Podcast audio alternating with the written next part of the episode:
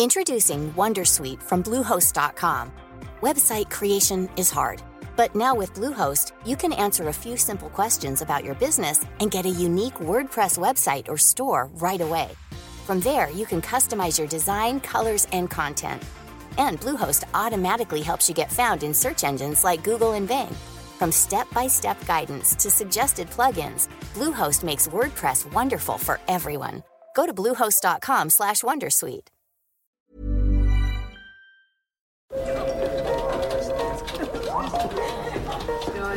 Dette er lyden av norsk næringsliv. Akkurat nå tas det små og store valg som kan bli avgjørende for fremtiden. Med økonomisystemet X-Leger tas disse beslutningene basert på informasjon i sanntid, slik at drømmer og ambisjoner kan bli virkelighet. Få kontroll og oversikt, gå inn på xledger.no. Denne sendingen er sponset av Xleger.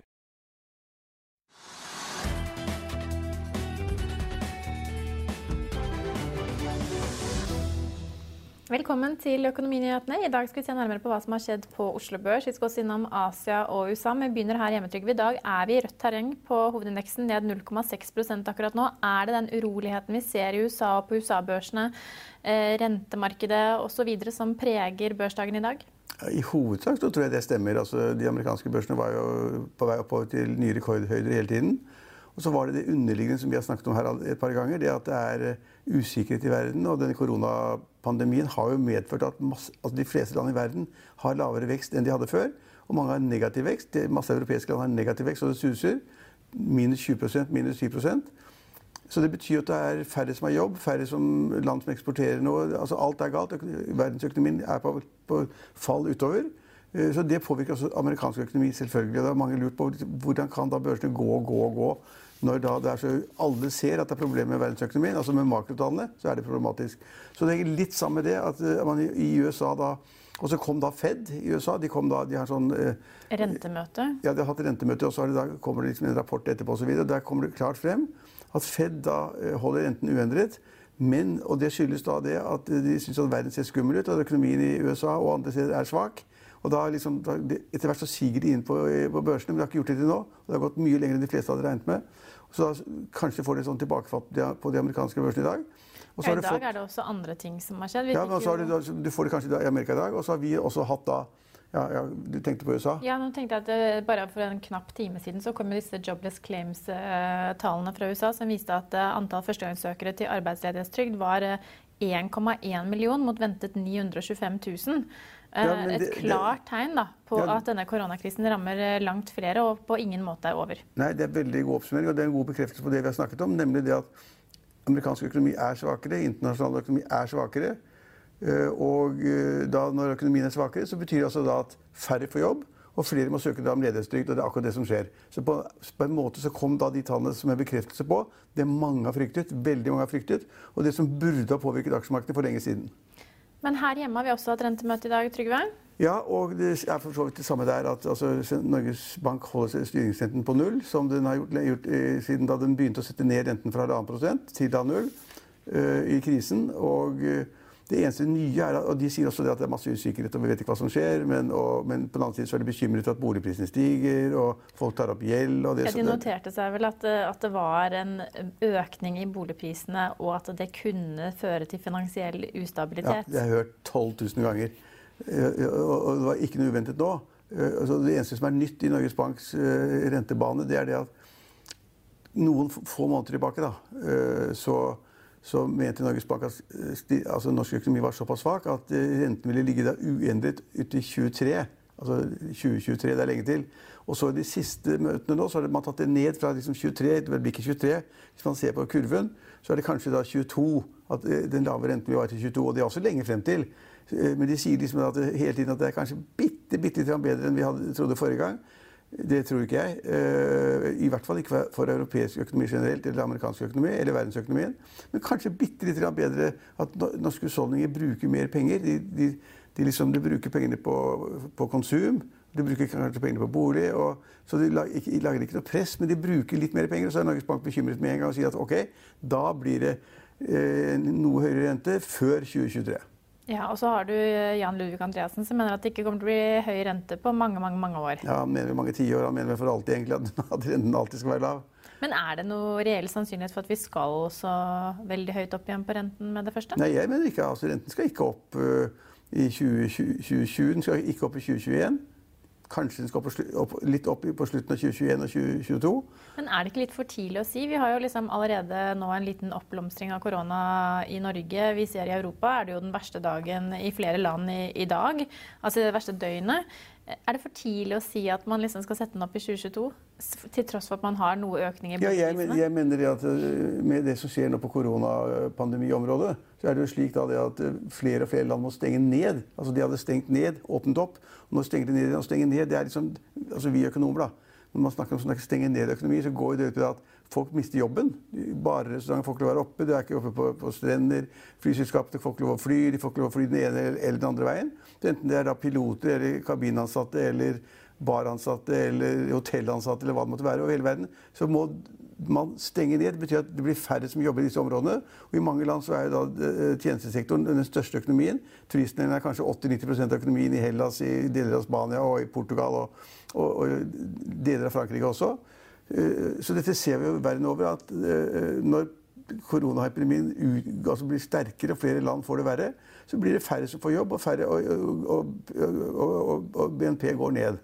Og så hører vi jo at uh, sentrale politikere sier at det er ikke noe vits å planlegge eller bestille noe sommerferie for neste år heller. Nei, Det høres jo veldig dramatisk ut. og det er De fleste som planlegger når det gjelder altså da, korona, så er det, at man håper jo at man da kanskje får en vaksine i fjerde kvartal i år, kanskje en, eller en vaksine i første kvartal neste år. Og at det blir litt bedre at folk tør reise igjen, og at flyselskapene tør fly. Og at de får lov å fly. Og at folk da ikke er så redde eller engstelige for da, å måtte sitte i karantene i ti, i ti, dager eller to uker. Så De fleste tror liksom at dette skal endre seg noe ved årsskiftet, årsskiftet kanskje. Ja, Når vi snakker om vaksine, så er det ikke sånn gitt at, hver, eh, at hvermannsen får denne vaksinen idet den blir uh, gjort tilgjengelig eventuelt fjerde kvartal eller første kvartal. Det er stort sett de som er alvorlig syke eller eh, trenger, med sterkt nedsatt immunforsvar, som får den første vaksinen. For det er klart man vet jo ikke bivirkningene eller ringvirkningene av en slik vaksine. Men de får teste ut på gamlingene først. dessverre, dessverre, så er det jo slik at det, man må nesten heller også håpe på at de får bedre medisiner, sånn at man kan få dette som en vanlig influensa. og Så får man antibiotika, og så kan man gå på jobben etter et par dager igjen. Ja, Nå er jeg ikke medisiner, men, men, men det jeg vet nå, da, for det kommer fra alle, alle verdens forskningsmiljøer, så er det da 50-60 land, eller miljøer, så det kan være flere miljøer i et enkelt land, flere, altså 50-60 som nå da er kommet ganske langt i en sånn vaksineutvikling ganske langt. Det vil si at de kan nærme seg fase tre, som er det alle må igjennom for å få testet i stor skala. Enten man gjør det på sivilbefolkning eller militære eller forbrytere eller helsepersonell eller hva det måtte være. Så man har kommet mye lenger enn man tror. Og av de 50-60 forskningsmiljøene som bruker masse penger, bruker de beste kreftene, de beste folkene de har, de finner frem til noe, tror jeg. Jeg er, så, jeg er såpass optimist. Når da noen sier, sånn som Russland, at de har en vaksine allerede Da står ikke du først i køen? Nei, da, nei, da står jeg ikke først i køen. Da får han, da får han bruke det på datteren sin først. Uh, hvis hun har tatt den, som hun sier. Men, men, men det kommer et eller annet, så det, er, det, blir noe bedre. Men er, akkurat nå så er vi på et punkt hvor det ser verre ut. Og, de norske myndighetene har da kommet med sine reiseråd for altså at man ikke skal reise til Irland, ikke reise til Storbritannia og ikke reise til et par andre land.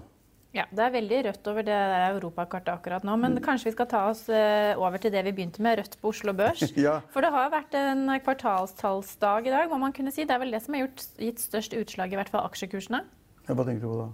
At det er flere selskaper som har lagt frem kvartalstall i dag? Kvartalstall, ja, ja, ja, ja, kvartalstall. ja, og der har vi litt rare ting. For det første så har vi, har vi, vært inne på tidligere at, uh, at lakseprisene har vært, på vei litt ned. Og så kom da nå tallene fra kvartal, annet kvartal for mange selskaper. Og det viser da enten har de tapt penger, sånn som Grieg, Seafood, eller så har de da halvert overskuddet, sånn som da Lerøy. Ja, altså Der var det jo en voldsom nedgang fra 946 millioner i andre kvartal 2019 til 569 ja, millioner. Ok, Som jeg sa, halvering. Ja, Fra en milliard til en halv milliard, ja, altså, hvis man tar ja, det litt sånn roughly. Ja, så Det er ikke bra. så er, Alt som har med laks er liksom litt ned i dag, så det er litt negativt. Det trekker ned, ikke så veldig mye, men det trekker ned. Men sjømatindeksen er bare ned 13 hittil i år, da, og opp 3,3% siste måned. Ja, men nå kommer jo da tallene som viser at det er korona straffer, og det er mindre salg, og prisene er lavere. Og det svekker etterspørselen, selvfølgelig. Ja. Altså, ja, det gjør det. Så, så, Derfor er den bransjen nå litt ned, og det, var, det kunne man regne med. Så Valenius Wilhelmsen, som da frakter biler Det er også interessant, for de, de, er en av verdens største operatører av bilfrakt. og da, De tapte 700 millioner kroner i andre kvartal. og Likevel så fremstilles det som det går bra. Altså, det kunne, liksom, kunne det gått verre, liksom. Men poenget er at, at, man kunne lett tenke seg at det går dårlig. Fordi at verden kjøper færre biler. Altså, det, det, det, selges omtrent halvparten så mye biler nå som på samme tid i fjor. Og når det selges halvparten så mange biler, så blir det færre biler som skal fraktes til Kina, eller fra Kina, eller til India, eller fra India, eller fra USA til Europa, eller Europa til USA. Så hele verdens nettverk av liksom biltransport for å da forsyne verden med nye biler, som har vært en sikker vinner, det går ikke. Og, og, og Valenius Wilhelmsen, som er en av de største, de har da altså da mange båter i opplag. Altså bil, bilbåter i opplag. Så de kom med elendige tall, men det ble fremstilt sånn. Egentlig så var det ganske bra. Det syns jeg var litt snålt. Men kursen og det som er interessant, er at kursen har da vært opp 7-8-9 Så dette var liksom strålende greier, men det var det ikke. Nei, og det er andre som stiger også på tallene sine. Vi kan ta med at B2 Holding er dagens vinneraksje opp eh, litt over 10% etter at inntektene steg 85 mm. fra andre kvartal 2019 til andre kvartal i år. Eh, og fikk et resultat etter skatt på 34 millioner mot minus 270 millioner i samme ja. kvartal i fjor. Det var veldig bra. og Derfor ligger den på nesten på topp blant de to-tre mest. Hvem kommer rett etter de, da? På, Noe som har steikje fine gardiner. Å, Kid. Kid.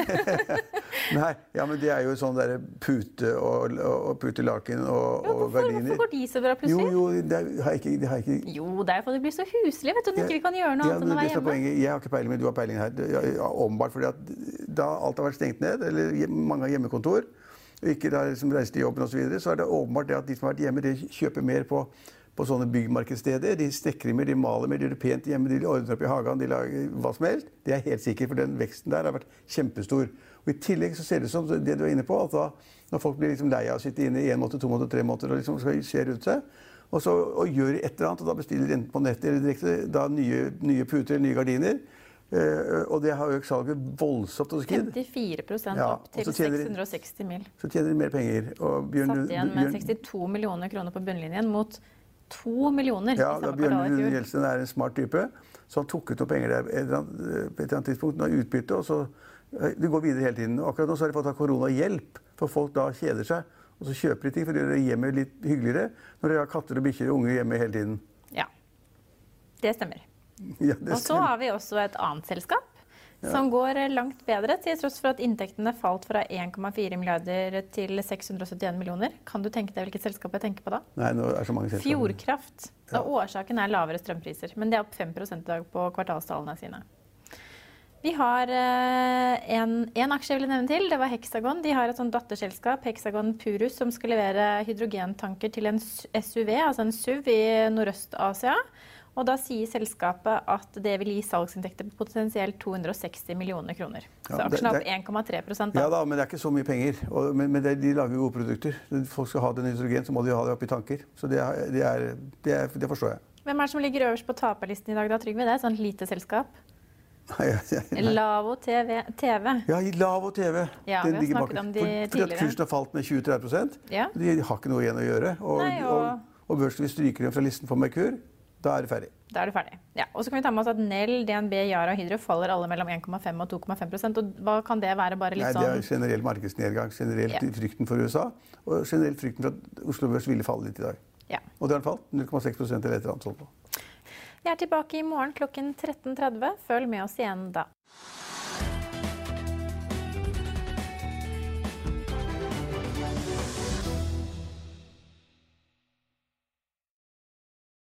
Denne sendingen er sponset av Xleger. Økonominyhetene er en podkast og videoproduksjon fra Finansavisen. Programleder er Marius Lorentzen. Aksjekommentator er Karl Johan Molnes. Produsent er Bashar Johar. Podkast- og videoansvarlig er Marius Mørk Larsen. Og ansvarlig redaktør er Trygve Hegnar.